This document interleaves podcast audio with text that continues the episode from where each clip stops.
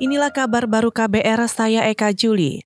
Presiden Joko Widodo menyebut Provinsi Sulawesi Utara masih memiliki banyak ruang untuk menarik lebih banyak lagi kunjungan wisatawan mancanegara. Salah satu strategi yang disarankan Jokowi kepada pemerintah Sulawesi Utara adalah menyediakan fasilitas pariwisata dengan standar minimal bintang 4. Pernyataan itu disampaikan Jokowi ketika mengunjungi kota Manado. Semua kita lihat sehingga betul-betul nanti apa, nampak mana yang harus uh, di backup dari pemerintah pusat, mana yang bisa dikerjakan pemerintah provinsi, mana yang swasta.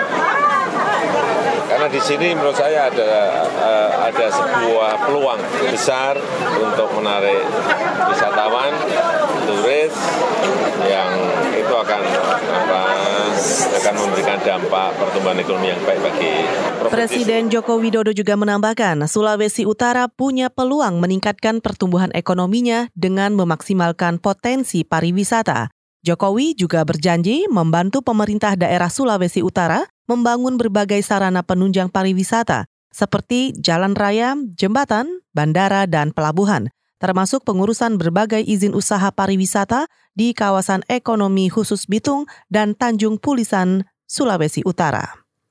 Saudara Kementerian Ketenagakerjaan bakal membuat pelatihan khusus lapangan kerja berbasis digital.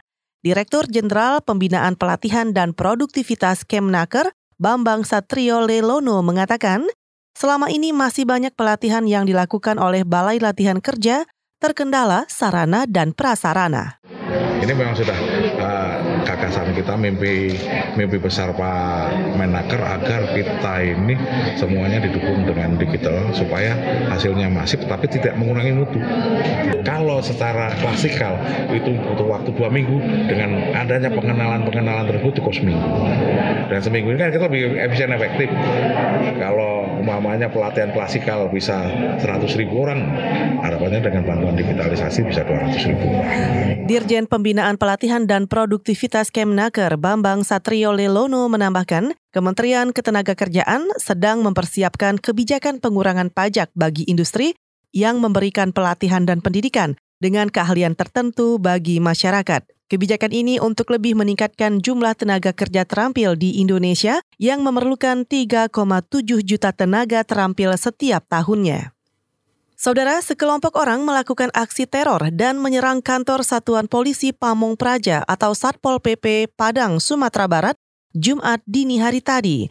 Dalam insiden itu terjadi kontak fisik dan menyebabkan salah seorang personil Satpol PP luka pada bagian pinggang. Diduga aksi penyerangan ini dilakukan karena kelompok itu tidak terima ada teman mereka dari kelompok PANG diamankan dan digunduli oleh petugas di Dinas Sosial Padang. Aksi teror itu berhasil diredam. Tujuh orang dari anak pang itu ditangkap, sementara lainnya melarikan diri. Saudara demikian kabar baru, saya Eka Juli.